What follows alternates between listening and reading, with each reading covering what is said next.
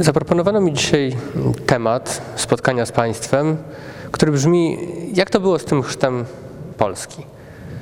No właśnie, temat, o którym dużo zresztą było w mediach mówione kilka lat temu z okazji 1050. rocznicy tego wydarzenia, ale który ciągle budzi zainteresowanie i mogę Państwu powiedzieć, że ponieważ hasłem tego cyklu jest historia inaczej niż w podręczniku, no że właśnie jest trochę inaczej niż w podręczniku. No bo w podręczniku oczywiście wszyscy wiemy jak było. 966 rok, 14 kwietnia, znamy dokładną datę, e, Mieszko się ochrzcił, e, przyjął chrzest od Czechów i tyle.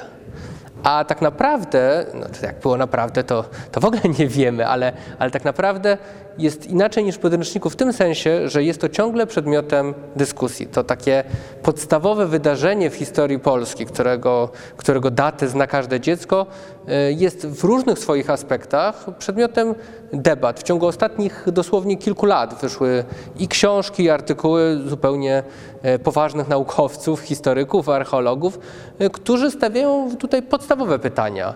Podstawowe pytania, które mogą nawet Państwa zaskoczyć. I wokół tych podstawowych podstawowych pytań o, o tak zwany chrzest polski chciałbym zbudować ten, to dzisiejsze spotkanie. A więc e, po pierwsze pytanie, czy, czy ten chrzest w ogóle miał miejsce, czy w ogóle chrzest polski się odbył. E, po drugie, kiedy? Po trzecie, gdzie? Po czwarte, jak, w jaki sposób? Po piąte wreszcie, kto się ochrzcił?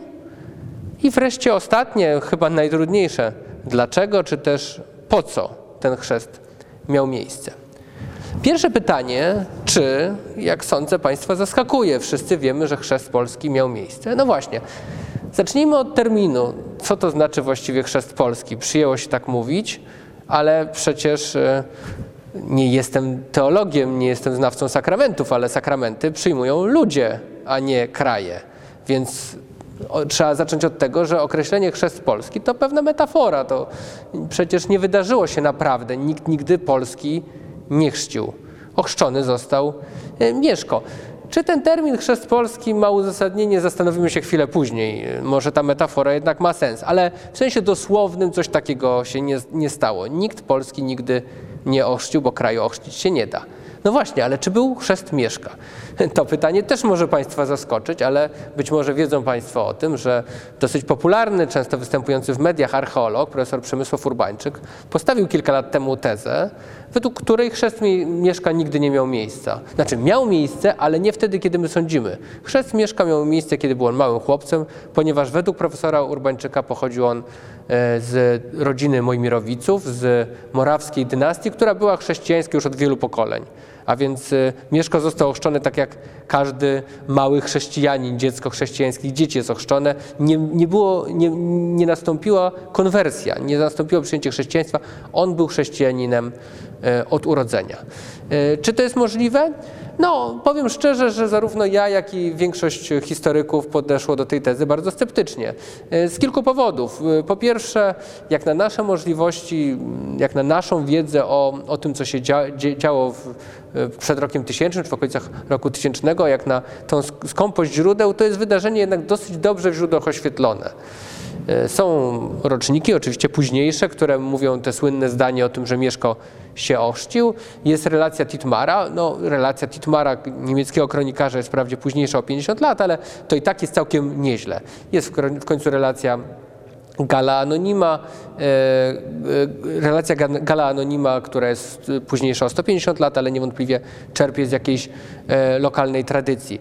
Wreszcie, no, co profesor Urbańczyk w swojej książce nieco pominął, mamy wyraźne wskazania w źródłach i to także w źródłach współczesnych, współczesnych Mieszkowi, że był on poganinem, czyli Titmar wprawdzie, jak zauważa profesor Urbańczyk, o chrzcie samym, znaczy nie, nie mówi nigdzie, że, że, że Mieszko nie był chrześcijaninem, ale wyraźnie stwierdza, że w jego czasach w jego kraju panowały obyczaje pogańskie. I wydaje się, że w gruncie rzeczy stwierdza też, opisując chrzest wprost, że Mieszko poganinem był, czyli jednak ta konwersja musiała mieć miejsce. Ale jak Państwo widzą, nawet to podstawowe e, pytanie, a mianowicie, czy Mieszko rzeczywiście się ochrzcił jako człowiek dorosły, czy nastąpiło jego nawrócenie, czy też konwersja, nawet to pytanie było w nauce ostatnio stawiane. Dalej pytanie, kiedy? Jak mówię, odpowiedź jest banalnie prosta i znaje każde dziecko. W 966 roku, 14 kwietnia. No właśnie, ale czy na pewno? Zacznę od tego, skąd właściwie ta data, 966 rok. E, tę datę znamy dzięki przekazom rocznikarskim. Roczniki, czyli taka forma zapisywania historii, w której pod konkretną datą umieszcza się e, jakieś wydarzenie. I rzeczywiście tradycja rocznikarska w większości, choć nie w całości, E, mówi o roku 966 jako o dacie chrztu. E, tam jest taka sekwencja, że w 965 e, Dobrawa czy Dąbrówka, żona Mieszka przyjeżdża, to jest odnotowane rzeczywiście w, w rocznikach, a, a w roku następnym Mieszko się chrzci. No, z tymi rocznikami jest pewien kłopot, na co niektórzy badacze zwracali uwagę. A mianowicie taki, że no, pierwsze roczniki, które w jakikolwiek sposób się do nas zachowały, są no, późniejsze, e, sporo późniejsze od tych wydarzeń, ponad 150 lat. I, e, i, a, a najważniejszy dla nas rocznik kapituły krakowskiej jest jeszcze, jeszcze, dawniej, e, jeszcze późniejszy. I to przekonanie, że tym rocznikom można ufać, no bierze się z tego, że zdaniem większości badaczy, choć nie wszystkich, te późniejsze roczniki opierały się na jakiejś wcześniejszej tradycji rocznikarskiej, to znaczy, że albo na bieżąco, albo może raczej po pewnym czasie, ale niedługim czasie, y, w miarę aktualnie wydarzenia w rocznikach zapisywano, a więc, że tę, tę datę 966 zapisano w miarę, y, w miarę szybko.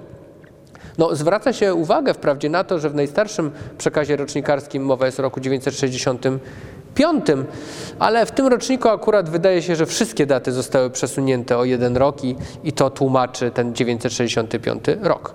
No nie zmienia to faktu, że nawet ta data, o której tutaj mówię, 966 rok, także została poddana krytyce i to zupełnie niedawno, właśnie przy okazji 1050. rocznicy chrztu, e, poznański mediewista Tomasz Jurek e, postawił, zwrócił uwagę na te problemy z rocznikami, o których tutaj e, mówię i i postawił tezę, że 965 rok jest bardziej prawdopodobną e, datą chrztu. A teraz jeszcze pytanie, skąd ów 14 kwietnia? No tego, proszę Państwa, nie podaje żadne źródło. Jak Państwo wiedzą, historycy opierają swoją wiedzę na źródłach historycznych, więc skąd, y, skąd, taki, y, skąd taka data? No, to łatwo wyjaśnić akurat. Y, my wiemy dokładnie, którego dnia wypadała Wielkanoc, czy inne ruchome święta chrześcijańskie, nie mówiąc już oczywiście o nieruchomych, w danym roku. I wiemy, że w 966 roku Wielkanoc wypadła właśnie właśnie wtedy, właśnie 14 e, kwietnia. A ponieważ Wielkanoc, e, noc Wigilii Paschalnej jest tym podstawową, podstawowym terminem, kiedy dokonywano chrztów, zwłaszcza chrztów dorosłych, no, historycy przyjęli założenie, ponieważ, jak mówiłem, uważamy, większość z nas uważa, w roku 966 Mieszko się ochrzcił, no to najprawdopodobniej miało to miejsce właśnie na Wielkanoc, czyli 14 e, kwietnia, ale proszę sobie zdawać sprawę, że jest to data e, hipotetyczna, nie oparta o źródłach, jest to oparte na naszych e, przypuszczeniach. Wiemy, że chrzty odbywały się niekiedy także, także w inne dni, nawet jeśli ten dzień Wielkanocy był tym najwłaściwszym z punktu widzenia doktryny kościelnej, obyczaju czy, czy nauki o, ówczesnej nauki o, o sakramentach. Teraz kolejne pytanie. Gdzie odbył się chrzest polski?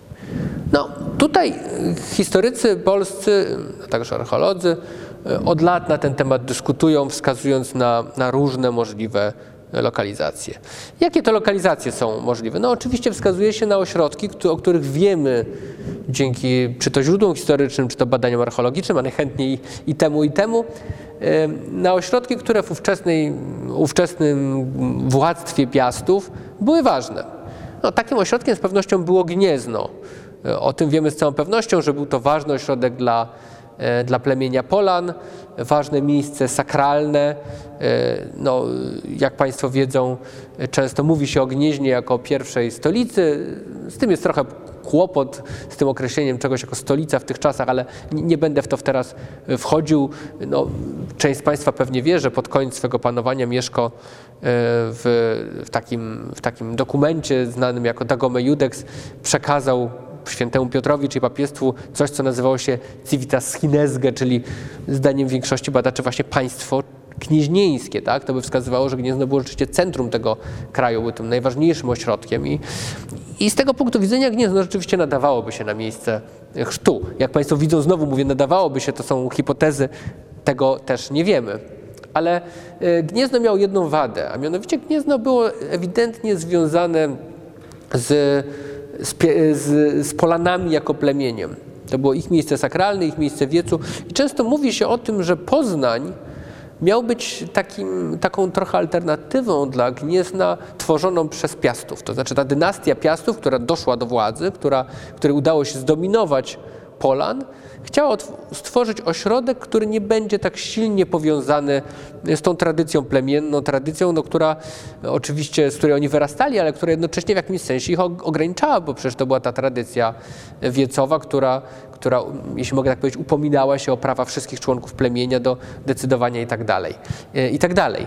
W związku z tym ewidentnie Piastowie byli bardzo mocno związani z Poznaniem. Wiele wskazuje na to, że pierwsi Piastowie zostali pochowani w Poznaniu. Do Poznania trafił, w Poznaniu pojawił się pierwszy polski biskup, jeszcze przed tworzeniem tej organizacji kościelnej polskiej z arcybiskupstwem gnieźnieńskim, na zjeździe gnieźnieńskim w roku 1000 za czasów Bolesława Chrobrego, to właśnie tutaj rezydował pierwszy polski E, biskup w Poznaniu.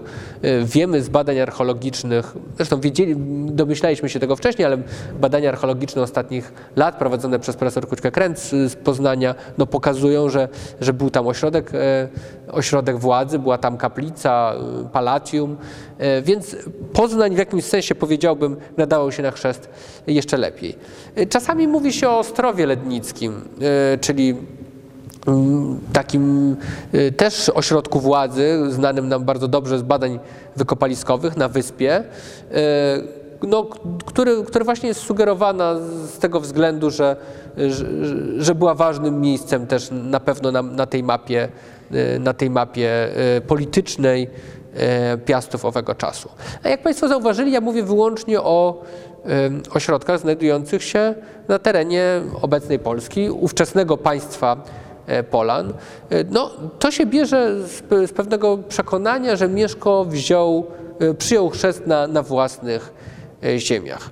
Wspominałem przed chwilą o profesorze Tomaszu, Tomaszu Jurku i jego tezie o chrzcie, który raczej miał miejsce w 1965. Kluczową tezą jego artykułu jest to, że ten chrzest miał miejsce na terenie Rzeszy. Albo w Magdeburgu, ewentualnie w Kwedlimburgu w ważnych ośrodkach władzy odtońskiej, odtońskiej Rzeszy. I teraz e, to jest pytanie, co to właściwie znaczy, że chrzest odbywa się u siebie albo na obcej ziemi. No tutaj bardzo często przywołuje się jako, jako taki przykład y, znaną opowieść o, y, znaczy taką, taką historię, która właściwie to jest wizja świętego Metodego opisana w jego żywocie o książę na na Wiśle, którego często uważa się za władcę Wiślan żyjących e, w Małopolsce. Historia jest taka, że oto książę ten był poganinem i bardzo szkodził, szkodził chrześcijanom i, i, i metody miał go ostrzec, że jeśli dobrowolnie się nie ochrzci, e, na, to, to kto inny go zmusi do chrztu na, e, i, i nie będzie mógł się ochrzcić na własnej ziemi, tylko właśnie zostanie ochrzczony pod przymusem u kogoś. Więc widać, że w tym myśleniu na tym przynajmniej przykładzie widać, że, że ten chrzest u kogoś był czymś no, w jakimś sensie uwłaczającym, czymś, czymś pokazującym no, taki rodzaj przegranej, prawda? Ale są inne przykłady pokazujące na, na chrzest, który się odbywa na czyimś terenie. No, daleko nie szukając, w żywocie świętego Wacława, znanym, jak, znanym jako legenda Krystiana z X wieku, jest opowieść o chrzcie Bożywoja, władcy Przemyślidów, władcy czeskiego, y, który ochrzcił się będąc na dworze, na dworze e, władcy Wielkich Moraw. No, ale poniekąd ten przykład, chociaż tutaj trudno mówić o jakimś, o jakimś e, upadku Bożywoja, on też pokazuje na zależność, ponieważ e, przemyślidzi ówcześni, znaczy państwo y, Czesi po prostu wchodzili w skład państwa wielkomorawskiego i, i Bożywoj był po prostu e, księciem, który był podległy księciu wielkomorawskiemu. Inne przykłady pokazują rzecz dosyć podobną. Bardzo znany jest przykład chrztu Haralda Klaka, duńskiego władcy, który odbył się na dworze syna Karola Wielkiego, Ludwika Pobożnego, bardzo barwnie opisany, ale właśnie tak opisany, że on opowiada o tym, jak to e, Harald Klak z rodziną przybywa do Ludwika Pobożnego. Ludwik Pobożny zostaje jego ojcem chrzestnym. Wszystko ma pokazać właśnie to, o czym mówię, to znaczy, że to, że to Ludwik Pobożny jest tym, który, który nawraca, który dokonuje konwersji i y, tym samym no, nawiązuje się między nimi relacja właśnie ojciec chrzestny, syn chrzestny, która przecież nie jest relacją równą, jest to relacja ojciec-syn, czyli widać tutaj zależność. E, również w czasach bliższych e, chrztowi Mieszka I e, mamy do czynienia z taką sytuacją. Prawdopodobnie, być może nawet dokładnie w tych samych czasach, tutaj źródła nie są dla nas do końca jasne, ma miejsce chrzest, e, chrzest innego władcy duńskiego, Haralda Sinozębego, e, którego, który zostaje z kolei ochrzczony u Ottona, znaczy u, przez, przez Ottona, przez cesarza Ottona. E, I co więcej, jak mówią nam źródła, jego syn otrzymuje nawet, jego syn Sven dostaje nawet jako drugie imię właśnie Otto ten chrzest także miał miejsce według, według późniejszych źródeł na terenie Rzeszy. Czyli innymi słowy, kiedy Profesor Jurek y, mówi o tym, że ten chrzest y, odbył się na terenie Rzeszy, no chcę powiedzieć też tyle, i to jest teza jego tekstu, że on był związany z pewną zależnością od Rzeszy. To oczywiście w sprzeczności z tym, co nam się często mówi, y, co nam się mówi o, też o tym, jak, jak Państwo wszyscy wiedzą, nas zawsze w szkole uczą, że chrzest został przyjęty od Czechów, prawda? Ta teza jest przeciwna. Teza, że chrzest został wzięty od Czechów ma długą, długą tradycję i no z tego względu zresztą y, już wcześniej pojawił się pogląd, że, że chrzest mieszka, miał miejsce na terenie Rzeszy. Jerzy Dowiat wiele lat temu wygłosił tezę, że, że odbył się on w Ratyzbonie, ale to właśnie było związane paradoksalnie z tą tezą o czeskim pośrednictwie, dlatego że Czechy wtedy nie miały własnego biskupstwa, podlegały właśnie pod, należały do diecezji ratyzbońskiej, więc sugestia była taka, że pośrednictwo czeskie, a jednocześnie chrzest przez biskupa osobę godną oznaczałby właśnie e, chrzest w Ratyzbonie. E, więc, e, więc jak, jak, Państwo widzą, to nas prowadzi do, do kolejnego pytania, które chciałbym postawić, czyli jak, za czyim pośrednictwem? Bo tu, jak Państwo widzą, jest zasadnicze, zasadnicza kwestia, czy rzeczywiście, jak się nas uczy w szkole, za pośrednictwem Czechów, czy też może za pośrednictwem niemieckim. No, tu trzeba powiedzieć jedną rzecz na wstępie. Trzeba spojrzeć trochę w historię historiografii. To znaczy w to, jak polscy historycy, nie tylko polscy, ale mam na myśli przede wszystkim polskich historyków, opowiadają historię. I trzeba mieć świadomość, że ta dyskusja na temat tego, skąd chrzest do nas przyszedł, ona jest wplątana w politykę. E, w tym sensie, że ta tradycja, że chrzest pochodził że chrześcijaństwo przyszło, przyszło od Czechów, że nie wiązało się, jest, jest właśnie związane z podkreśleniem niezależności od Niemiec. I mogą sobie Państwo wyobrazić, jakie znaczenie to miało, czy w czasach zaborów, czy na przykład zaraz po II e, wojnie światowej, e, kiedy, kiedy no, historycy w jakimś sensie, czy to z przyczyn, powiedziałbym, ówczesnej oficjalnej polityki historycznej, czy to po prostu z pewnej potrzeby, no, skłaniali się po prostu do tego, trzeba mieć tego świadomość, żeby raczej zależności od Rzeszy Niemieckiej e, nie podkreślać. No więc jakie są argumenty, które przemawiają za tym, że chrzest rzeczywiście miał, miał miejsce za pośrednictwem niemieckim, pochodził od, e, od Niemców i e, co za tym idzie, być może, jak chce profesor Jurek, miał miejsce na terenie Rzeszy. No, my wiemy po prostu z, z, ze źródeł niemieckich, że Mieszko był zależny w tym czasie od cesarza. Znaczy gdzieś tu są problemy pewne z datacją, ale gdzieś w okolicach chrztu ta zależność od cesarza istniała. E, e, Mieszko płacił trybut. E, Widukin, kronikarz saski, nazywa go amicus imperatoris, czyli przyjaciel cesarza. To oczywiście brzmi bardzo dobrze dla naszego ucha, ale w gruncie rzeczy przyjaźń z cesarzem również oznacza jakąś formę zależności. I tutaj znowu wracam do tezy profesora Jurka, który, który mówi, że ten chrzest on się odbył w ramach takiego nowego układu sił, Y, na wschodniej flance Rzeszy. e, nowego układu sił po śmierci wielkiego margrabiego Gerona, który wcześniej tymi wszystkimi ziemiami zarządzał e, i który i po którego śmierci trzeba było no, w, jakimś sposób, w jakimś sensie zorganizować to na nowo. I sugestia jest taka, że oto już e, Mieszko, który już jest w dobrych stosunkach z cesarzem, który e, walczy przeciwko, przeciwko wrogom cesarza, e, przeciwko Słowianom połapskim, Wieletom, którzy, którzy są przeciwnikami wówczas cesarza no, jakby dopełnia tego, tego statusu przyjaciela, chrzci się i dzięki temu też może zostać uwzględniony w tym, w tym układzie, e, w tym układzie, w tym nowym układzie politycznym na, na wschodniej flance e, Rzeszy. E, no, jest to oczywiście możliwe. Aha, jeszcze jedno może warto dodać. My doskonale wiemy, że na wczesnym etapie spora część duchowieństwa w Polsce pochodziła właśnie z Rzeszy, no, co też może sugerować, e, sugerować właśnie ten kierunek. No, można postawić jednak sprawę też inaczej. E, duchowieństwo mogło pochodzić skądkolwiek, to niekoniecznie musi rzutować na to, skąd pochodził e, sam chrzest, zwłaszcza, że Polska stosunkowo wcześnie uzyskała, jak Państwu przed chwilą mówiłem, stosunkowo wcześnie uzyskała własną diecezję, bardzo wcześnie też własną archidiecezję, metropolię kościelną już w roku tysięcznym, czyli dosyć szybko stworzyła własne struktury kościelne, w przeciwieństwie na przykład do wspomnianych przed chwilą Czech. A więc e, jak Państwo widzą, teza o, o niemieckim pośrednictwie, ona jest prawdopodobna. E, natomiast e, ta tradycyjna teza mówiąca o pośrednictwie czeskim, która no, funkcjonuje właśnie w naszych podręcznikach, ona również ma, jak sądzę, bardzo e, mocne podstawy i no, nie wiem nawet, czy nie powiedziałbym, że mocniejsze podstawy.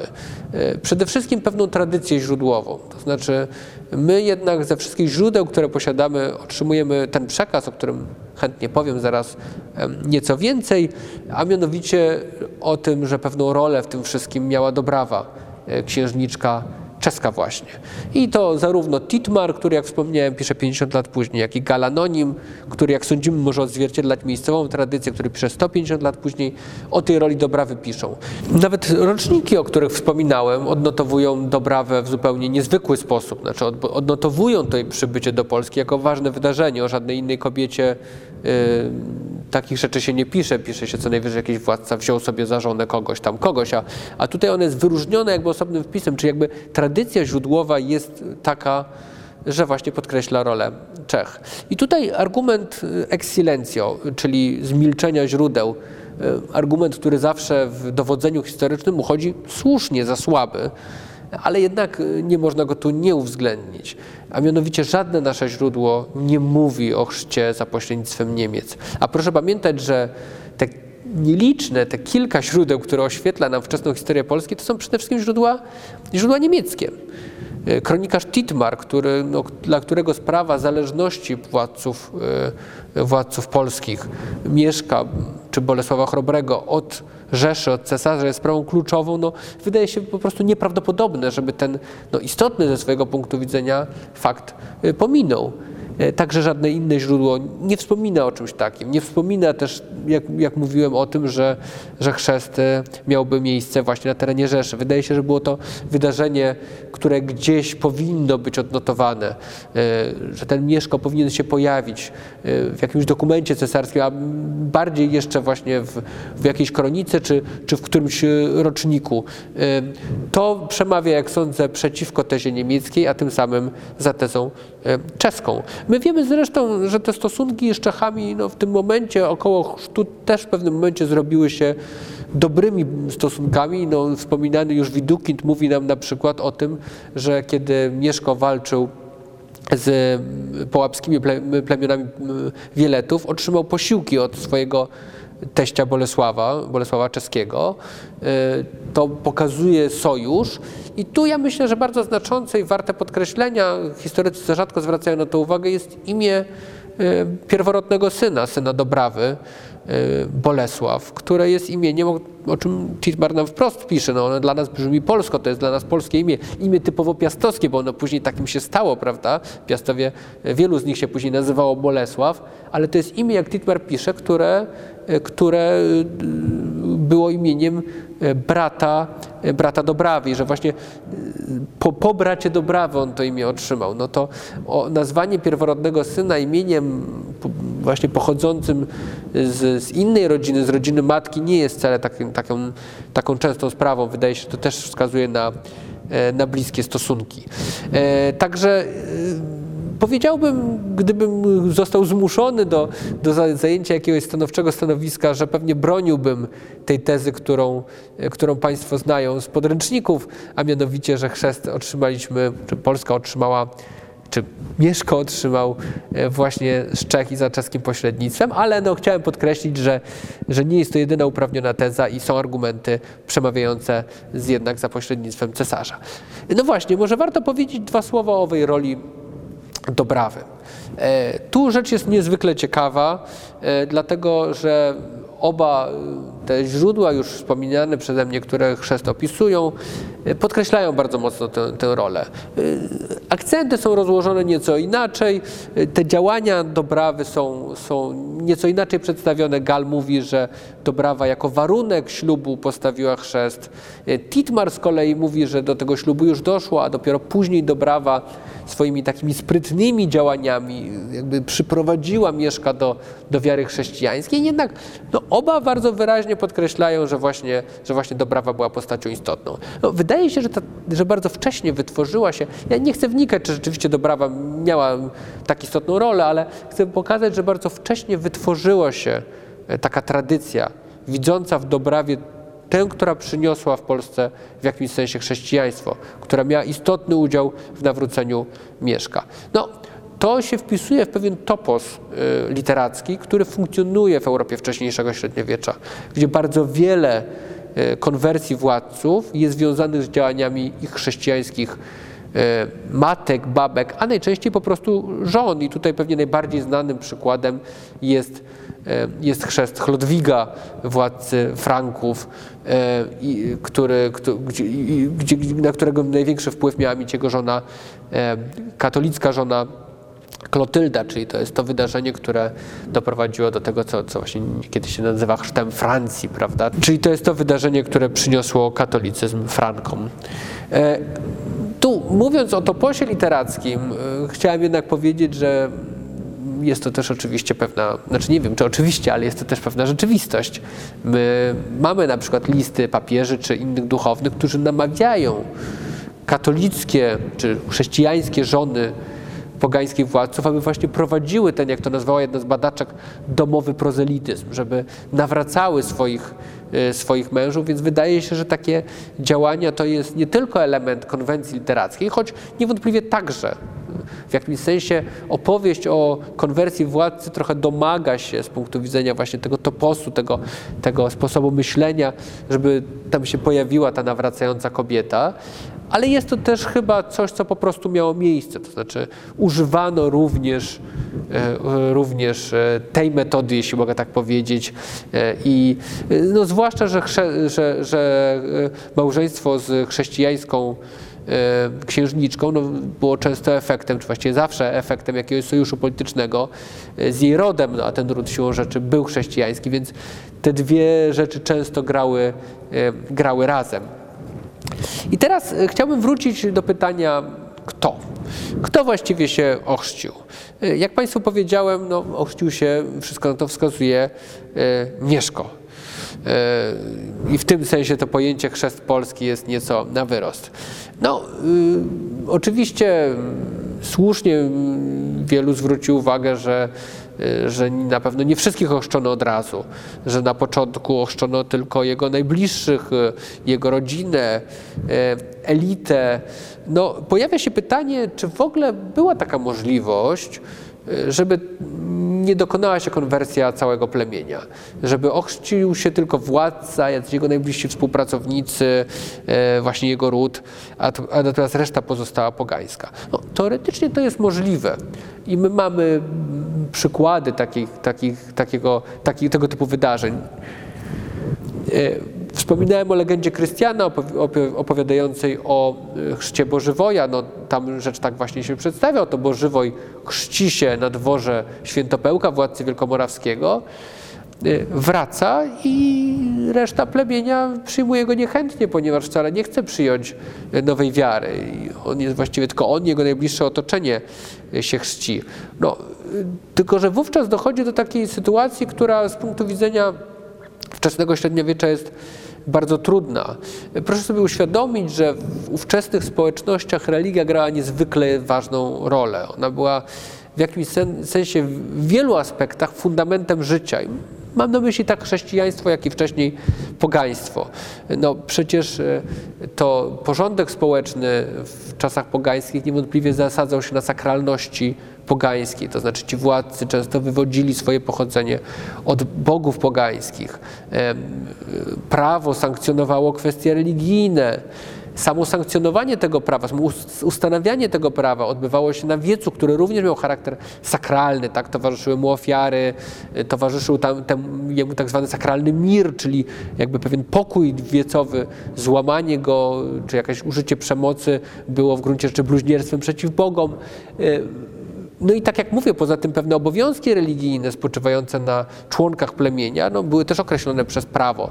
Czyli no, w jakimś sensie religia była częścią prawa, częścią tożsamości e, i bardzo często zresztą o konwersji w tych źródłach wczesnego średniowiecza się mówi jako o zmianie prawa przodków, czy dawnego prawa na nowe prawo, na prawo chrześcijańskie. Stawia się nacisk właśnie na, na prawo, jako na to, jako na to co tu się zmienia. I z tego punktu widzenia jakby konwersja pojedynczego członka plemienia, ona jest bardzo trudna, no bo wtedy dzieje się coś takiego, co y, Bruno z Querfurtu opisał y, to oczywiście chrześcijański, chrześcijański pisarz, ale tak, takie, tak, takie słowa włożył w usta Prusów, który, do których przyszedł święty Wojciech, które brzmią mniej więcej tak, parafrazując, oni mówią, my tu wszyscy żyjemy według jednego prawa, ty żyjesz według innego prawa. I mówi, i mówi chyba już teraz y, mieszam przekazy dwóch żywotów świętego Wojciecha, ale to może nie jest naj, najistotniejsze. Drugi element tego, tej opowieści jest taki, przez takich ludzi jak ty nasze krowy przestaną dawać mleko, nasze pola przestaną dawać zboże, nasze jeziora przestaną dawać ryby, odejdź. To znaczy obecność jednego człowieka, który nie podlega temu prawu, który nie, nie słucha się tych bogów, jest niebezpieczna. Jest niebezpieczna dla wszystkich, ponieważ, ponieważ na, na, na, na, tej wierze opiera się dobrobyt e, plemienia.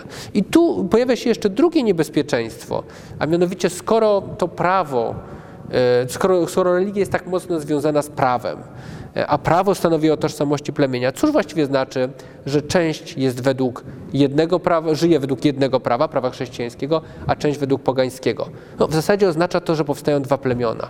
My mamy taką opowieść w tak zwanej Księdze Islandczyków. To jest wczesno-XII-wieczne źródło opowiadające o nawróceniu Islandczyków, które miało się odbyć, jeśli mogę tak powiedzieć, no, na zasadach powiedzmy demokratycznych. To znaczy Islandczycy zebrali się na na takim wiecu i mieli zdecydować, prawda, czy chcą przyjąć nową religię, chrześcijaństwo, czy też pozostać przy starej religii. To miało mieć miejsce w roku tysięcznym. I i w zasadzie już okazało się, że jest między nimi podział, część chce tak, część chce tak, ale wtedy ktoś jakby trafnie zauważył, mówi, no w zasadzie będziemy żyli według dwóch praw, czyli będziemy jakby dwoma ludami, będziemy nieustannie walczyć. To, to pokazuje jakby, że nie ma e, konwersji bez zmiany prawa, bez zmiany zasad życia. I to powoduje, że taka sytuacja, w której e, władca e, wyznaje inną religię niż jego plemię, no, no jest trudna do wyobrażenia w tych, w tych kategoriach myślenia, kiedy właśnie o religii myśli się mało jako o sprawie prywatnej, a bardzo jako o sprawie społecznej. Takie sytuacje miały miejsce, to się zdarza. My, my je widzimy zwłaszcza tam, gdzie władcy są po prostu słabi. Gdzie władcy są słabi i nie są w stanie przeprowadzić tej zmiany religii. Ale myślę, że można postawić taką tezę, właściwie jest to teza, którą postawił e, Roman Michałowski, a mianowicie, że konwersja udaje się tam, gdzie nawraca się władcę i który, który ma dość siły, żeby zmusić całą resztę, i jest to dla niego naturalne, żeby to zrobić, do, do tego, żeby tą nową wiarę e, przyjąć. Więc e, jakby zrobiłem taką pętlę po różnych źródłach, ale chcę powiedzieć e, tyle, że wszystko na to wskazuje, że władza pierwszych piastów była władzą silną. Widzimy to u Mieszka, jeszcze bardziej widzimy to jest jeszcze lepiej oświetlone źródłowo u jego syna Bolesława Chrobrego. Jeśli rzeczywiście była silną, wydaje się mało prawdopodobne, żeby nie chcieli oni reszty swego plemienia, e, reszty swoich poddanych do tego, do tego chrztu zmusić. No, co oczywiście nie znaczy, że, e, że to stało się natychmiast. To oczywiście też nie znaczy to, że nastąpiła głęboka, prawdziwa chrystianizacja, tak? To znaczy nastąpiła dosyć szybka, jak sądzimy, konwersja. Chociaż tu muszę zaznaczyć, że też w ostatnich czasach pojawiła się teza, że oto Mieszko nie był zbyt aktywny w tej polityce chrystianizacyjnej, że tak naprawdę dopiero Bolesław Chrobry, jego syn, był tym, który, który zaczął chrystianizować, budować kościoły i tak dalej, i tak. Wydaje się, że jest to teza kontrowersyjna, chociaż rzeczywiście mamy bardzo mało źródeł na ten temat. Natomiast Niezależnie od tego, kiedy to się zaczęło, ja oczywiście nie chcę powiedzieć, że oznaczało to, że wszyscy stali się chrześcijanami w jakimś takim głębokim sensie, tak? Oni stali się chrześcijanami przez to, że przyjęli sakramenty, a przede wszystkim zaczęli żyć według prawa chrześcijańskiego.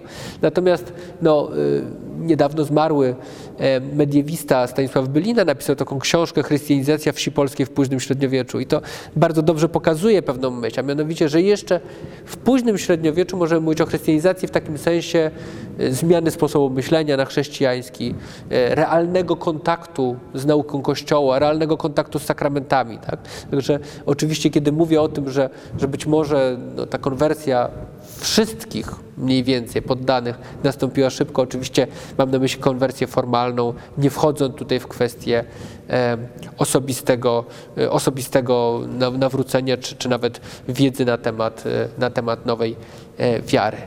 No właśnie, i, i to nas w jakimś sensie kieruje do pytania, po co właściwie Mieszko, po co właściwie jego poddani przyjęli chrzest, co ich motywowało, co było powodem. No, oczywiście tradycyjna historiografia e, będzie mówiła o problemie sojuszy politycznych, tak, żeby zawrzeć sojusz e, z Czechami, e, po to, żeby oni właśnie wsparli w walce z Wieletami, no to, to, to trzeba było przyjąć chrzest, prawda? To jest dosyć takie pozytywistyczne myślenie, myślenie historyków, którzy chyba z trudem chcą wejść, potrafią wejść w skórę, jeśli mogę tak powiedzieć, ludzi ówczesnych, e, w skórę ludzi myślących głęboko religijnie. To znaczy, ja nie chcę tutaj dyskwalifikować tej kategorii sojuszu politycznego, chociaż no, trzeba zwrócić uwagę, że to nie jest tak, że żeby e, miał miejsce sojusz polityczny, e, obie strony musiały być tego samego wyznania. Wrócę do owego Bożywoja. Tak? Również przed chrztem on i Czesi, pogańscy Czesi, byli poddanymi ś- świętopełka e, Morawskiego i wydaje się, że, że była to sytuacja, która, która nikomu jakoś bardzo nie przeszkadzała. No, e, ci, ci, ci wieleci przecież, którzy najpierw byli sojusznikami już chrześcijańskich Czechów, później e, w, w czasie wojny Bolesława Chrobrego z, Henry, z cesarzem Henrykiem II byli po stronie cesarza, tak? jakby chrześcijańskiego cesarza, uznanego później zresztą za świętego. E, Niektórzy, niektórzy na przykład Titmar czy, czy inni przedstawiciele kościoła Rzeszy mogli się tym gorszyć, że, że poganie oto idą w wojsku razem z, z chrześcijanami, ale, ale takie były fakty, tak? to były doraźne sojusze polityczne i Mieszko nie potrzebował chyba się chrzcić po to, żeby właśnie stworzyć doraźny sojusz polityczny. E, Wydaje się, że tutaj, e, jeśli e, myślimy w takich kategoriach, to ja bym powiedział, że chodzi raczej o wejście do pewnego, przepraszam za określenie, klubu. To znaczy, Przyjęcie chrztu otwierało z całą pewnością pewne możliwości e, funkcjonowania na stałe w pewnym systemie europejskim. E, Można by to trochę porównać, to nie, nie jest najzgrabniejsze może porównanie, proszę e, wybaczyć, trochę je wziąć w cudzysłów, z, z takim, nazwijmy to, rodziną państw demokratycznych. Znaczy, przecież to nie jest tak, że, że, że państwa demokratyczne nie współpracują niekiedy w różnych kwestiach z satrapiami, tak? czy, czy, czy z dyktaturami, ale no istnieje takie przekonanie, że ten podzielanie wspólnych wartości przez niektóre kraje e, jakoś szczególnie je łączy. I tutaj myślę, że można mówić o czymś e, dosyć po, podobnym w tym funkcjonowaniu e, chrześcijańskich, chrześcijańskich władców w, w systemie chrześcijańskich jednak przede wszystkim Europy. Kiedy myślimy o, o tych kwestiach politycznych ściśle, no to należy o nich spróbować przynajmniej myśleć, tak jak o nich myśleli ludzie wcześniej, a mianowicie nie widzieć ich czysto pragmatycznie z naszego punktu widzenia. E, jeśli mówimy o ludziach, których myślenie było głęboko religijne, to trzeba sobie uświadomić, że oni łączyli jakby te doraźne sukcesy lub porażki polityczne, no właśnie z kwestiami sakralnymi, tak jak Państwu powiedziałem o tych Prusach, którzy bali się, że, że jeśli będą tolerować innowierce z ich punktu widzenia świętego Wojciecha, to, to źle skończy się dla, dla plonów. No, to jest ten sposób myślenia, wspólny zresztą chyba ówczesnym chrześcijanom i poganom, e, w którym, e, w którym po prostu wsparcie właściwego Boga, tego, tego no, daje siłę, daje zwycięstwo. My to niekiedy mamy powiedziane bardzo wprost. No, kiedy Chlodwik się nawraca, o czym Państwu wspomniałem, no to jego przekonuje do chrześcijaństwa ostatecznie to, że, że w czasie bitwy jego bogowie, których wzywa mu, nie chcą pomóc, a jak wzywa Boga Klotyldy, czyli właśnie Boga chrześcijańskiego, to on mu pomaga, prawda? Tu jest takie, e, e, taki sposób myślenia, który, który właśnie chyba to, e, to obrazuje, że że myśli się o chrześcijaństwie lub pogaństwie, o religii po prostu, jako o czymś, co ma przynosić efekt, E, co ma dawać sukces. No i z tego punktu widzenia y, można by powiedzieć, że Mieszko no, miał taką perspektywę, że oto przecież widział, jak wygląda na przykład Rzesza Niemiecka, tak? jak, czy bywał tam, czy, czy też donoszono mu. Wiedział, że cesarz ma wielkie wojska, że są tam murowane budynki, których u niego nie ma i tak dalej, i tak dalej. I pojawia się pytanie, jakby komu służy cesarz? No cesarz służy Chrystusowi. A komu my służymy? My służymy pogańskim bogom. No kto na tym wychodzi lepiej, można by to, przepraszam, nieco banalizując powiedzieć, to on. Więc może warto spróbować. Bo tutaj jest jeszcze jeden aspekt, jak to ujął jeden z badaczy nieco nieoficjalnie. O tej religii myśli się trochę jak o nauce eksperymentalnej, to znaczy próbuje się i zobaczymy, co, co się wydarzy. I y, tak zresztą można tłumaczyć te zjawisko, które jest częste w wielu krajach po nawróceniu, po konwersji, e, które też wystąpiło w Polsce, czyli reakcje pogańskie po jakimś paśmie sukcesów następują klęski. Pojawia się pytanie, czy nie postawiliśmy, przepraszam znowu za, za może nie, nieładny kolokwializm, czy nie postawiliśmy na złego konia, tak? Czy, czy rzeczywiście z chrześcijaństwem idzie tak dobrze? Może jednak, a może te klęski są spowodowane tym, że odeszliśmy od naszych, naszych pogańskich bogów, bogów naszych ojców, prawda? Więc wydaje się, że rzeczywiście, ta, e, zwłaszcza jak patrzymy na sytuację Mieszka w okolicach Chrztu, e, gdzie nie wszystko układało się najlepiej, no to być może takie myślenie tutaj też zwyciężyło. E, właśnie myślenie, myślenie o tym, że, że po prostu bogowie pogańscy nie pomagają, więc trzeba spróbować zwrócić się do kogo, do kogo innego. No i tu oczywiście staje jeszcze jedna kwestia, też chętnie podnoszona. Jak Państwu powiedziałem, źródła podkreślają rolę Dobrawy, a w efekcie mówią o tym, że Dobrawa w jakimś sensie przekonała Mieszka, czyli podkreślają, jak zresztą zwykle źródła mówiące, teksty mówiące o konwersji, osobiste nawrócenie Mieszka, tak? Takie, że po prostu on uwierzył i się nawrócił. No, to jest perspektywa tych źródeł i historycy, niektórzy historycy ostatnio y, czasami mówią właśnie o tym, że po prostu nie można wykluczyć osobistego nawrócenia Mieszka. No, oczywiście, że nie można wykluczyć, my tego nie wiemy, ale ja bym powiedział, że z historycznego punktu widzenia to jest raczej pytanie, na które nie powinniśmy dawać odpowiedzi. To znaczy historycy nie mają narzędzi, żeby odpowiedzieć na pytanie, czy Mieszko naprawdę się nawrócił, tak? czy naprawdę uwierzył, czy naprawdę przekonał się, że, że, to, jest, że to jest ta religia. Ale też e, z przyczyn, o których Państwu mówiłem, no w gruncie rzeczy bardzo trudno jest myśleć o tego typu osobistym nawróceniu jednego człowieka, a zwłaszcza władcy, e, bez tej całej otoczki, o której mówiłem, czyli bez e, pewnej perspektywy społecznej, e, prawnej, bez, bez, abstrahując to osobiste, nazwijmy to osobiste nawrócenie e, z tego całego systemu, e, w którym o religii myśli się jako o zjawisku e, społecznym. Więc wydaje mi się, że, że po pierwsze dlatego, że jako historycy nie mamy narzędzi, aby wypowiadać się w tej kwestii, czy Mieszko rzeczywiście uwierzył w trójcę, prawda, i w jednego Boga, czy też nie, najrozsądniej jest zawiesić sąd, tej, sąd w, tej, e, w tej sprawie e, i zostawić to innym. Czyli, proszę Państwa, no, podsumowując, y, próbowałem mm, z Państwem przejść przez y, szereg szereg pytań dotyczących y, chrztu, tak? Pytałem się, pytałem się o to, y, czy, chrzest y, czy, czy chrzest miał miejsce, kiedy, gdzie, jak to właściwie się stało, za czyim pośrednictwem, kto właściwie został ochrzczony i też dlaczego to się stało. Jak Państwo widzą, wiele tu jest wątpliwości, wiele pytań.